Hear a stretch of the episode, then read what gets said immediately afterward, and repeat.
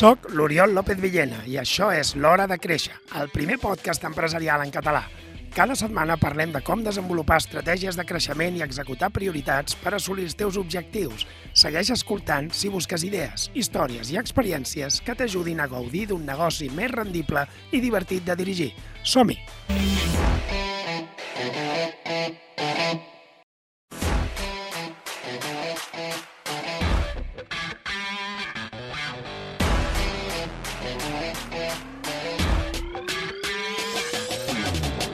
I parlem del món empresarial, a petita i a gran escala, i ho fem, com sempre, de la mà de l'Oriol López Villena, que ell és l'autor del llibre Creix i Prospera. Uh, Oriol, molt bon dia. Bon dia, Noemi. Uh, amb ganes de, de parlar avui d'un tema que crec que ens afecta a tots, perquè tots al final formem part d'algun equip de feina, algun equip a l'hora de, de, de, Exacte. professional, i, i tu ens estàs dient aquí, ens comentaràs, com saber si el teu equip està motivat o no.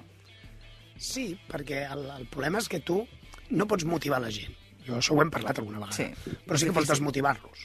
No? I, i l'altre dia un, un oient doncs, m'enviava una pregunta i em deia escolta, Oriol, no veig la gent, meva gent implicada. No? I a sobre m'han marxat dues persones. Deia, una havia marxat a la competència i una altra a un altre sector.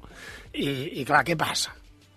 Eh, jo la resposta va ser doble, en el, ràpidament. El qui marxa a un altre sector vol dir que la feina en si potser no li agrada, per tant, poca cosa pots fer. Si no vols ser sabater i te'n vas a fer eh, de lampista, doncs, bueno, doncs això tu com a empresari no pots fer res. Exacte. Vale. Vol dir que a la persona no li agradava aquell camí Clar, professional. Però, en canvi, si se'n va la competència sí que tens un problema. Clar. I a mi em va fer pensar una mica en el sector sanitari. No? El sector sanitari és un sector que, a dia d'avui, eh, majoritàriament estima la seva feina, si no, no es dedicarien al que es dediquen, d'acord? Metges, infermeres.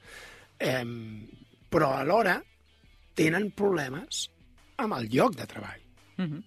I ja no entro en les retribucions, que són temes que no, no tocarem avui, no? però sí que en el lloc, en guàrdies, en, en masses visites en poc temps...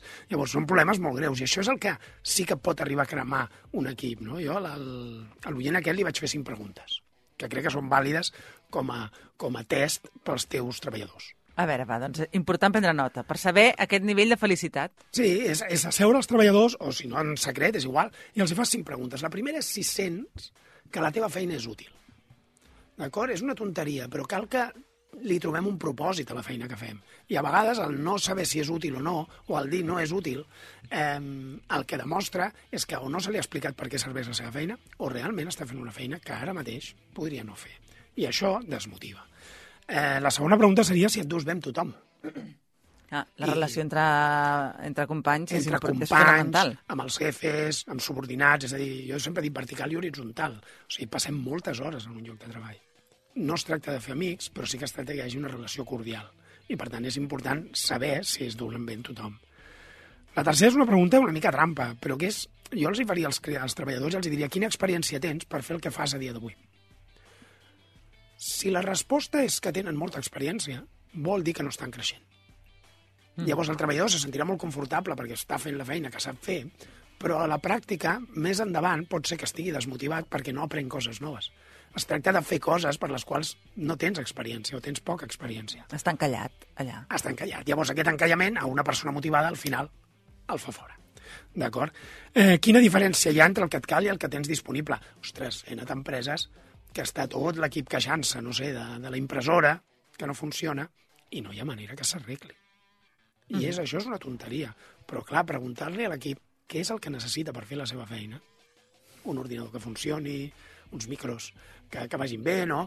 És a dir, són certes coses que fan molt incòmode la vida del treballador, si no, si no està al dia. I això són coses que a vegades no són ni cares, vale? però toquen. Sí, sí. I per últim, I no menys important. i no menys important, eh, que diu aquell, seria si sents que la direcció evita les males notícies. És veritat, perquè això passa molt. De fet, a ningú ens agraden les males notícies, a vegades Clar. ho hem comentat també aquí, però s'han d'afrontar. Clar, llavors, què passa? Que si tu veus que la direcció, cada vegada que li dius una mala notícia, eh, renega, no li agrada que li donis, això acabaràs no donant-li aquestes males notícies. I això pot ser que s'acabi fent una bola, perquè la mala notícia hi és. I el treballador la resoldrà com pugui.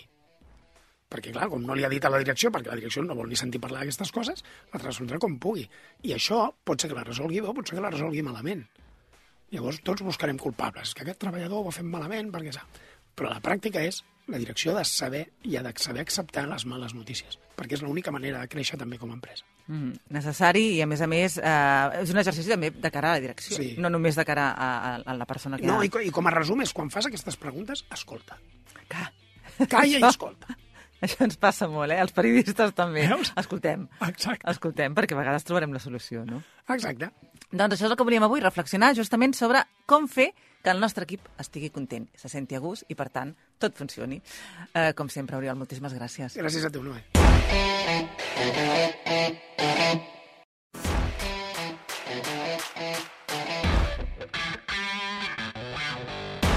Gràcies per acompanyar-me en aquest episodi de l'Hora de Créixer. Si t'ha agradat, ja saps què has de fer. Escriu una ressenya, comparteix-ho amb algú i uneix-te a la comunitat de les empreses proactives. Gràcies per escoltar-me i recorda, l'acció és qüestió de prioritats.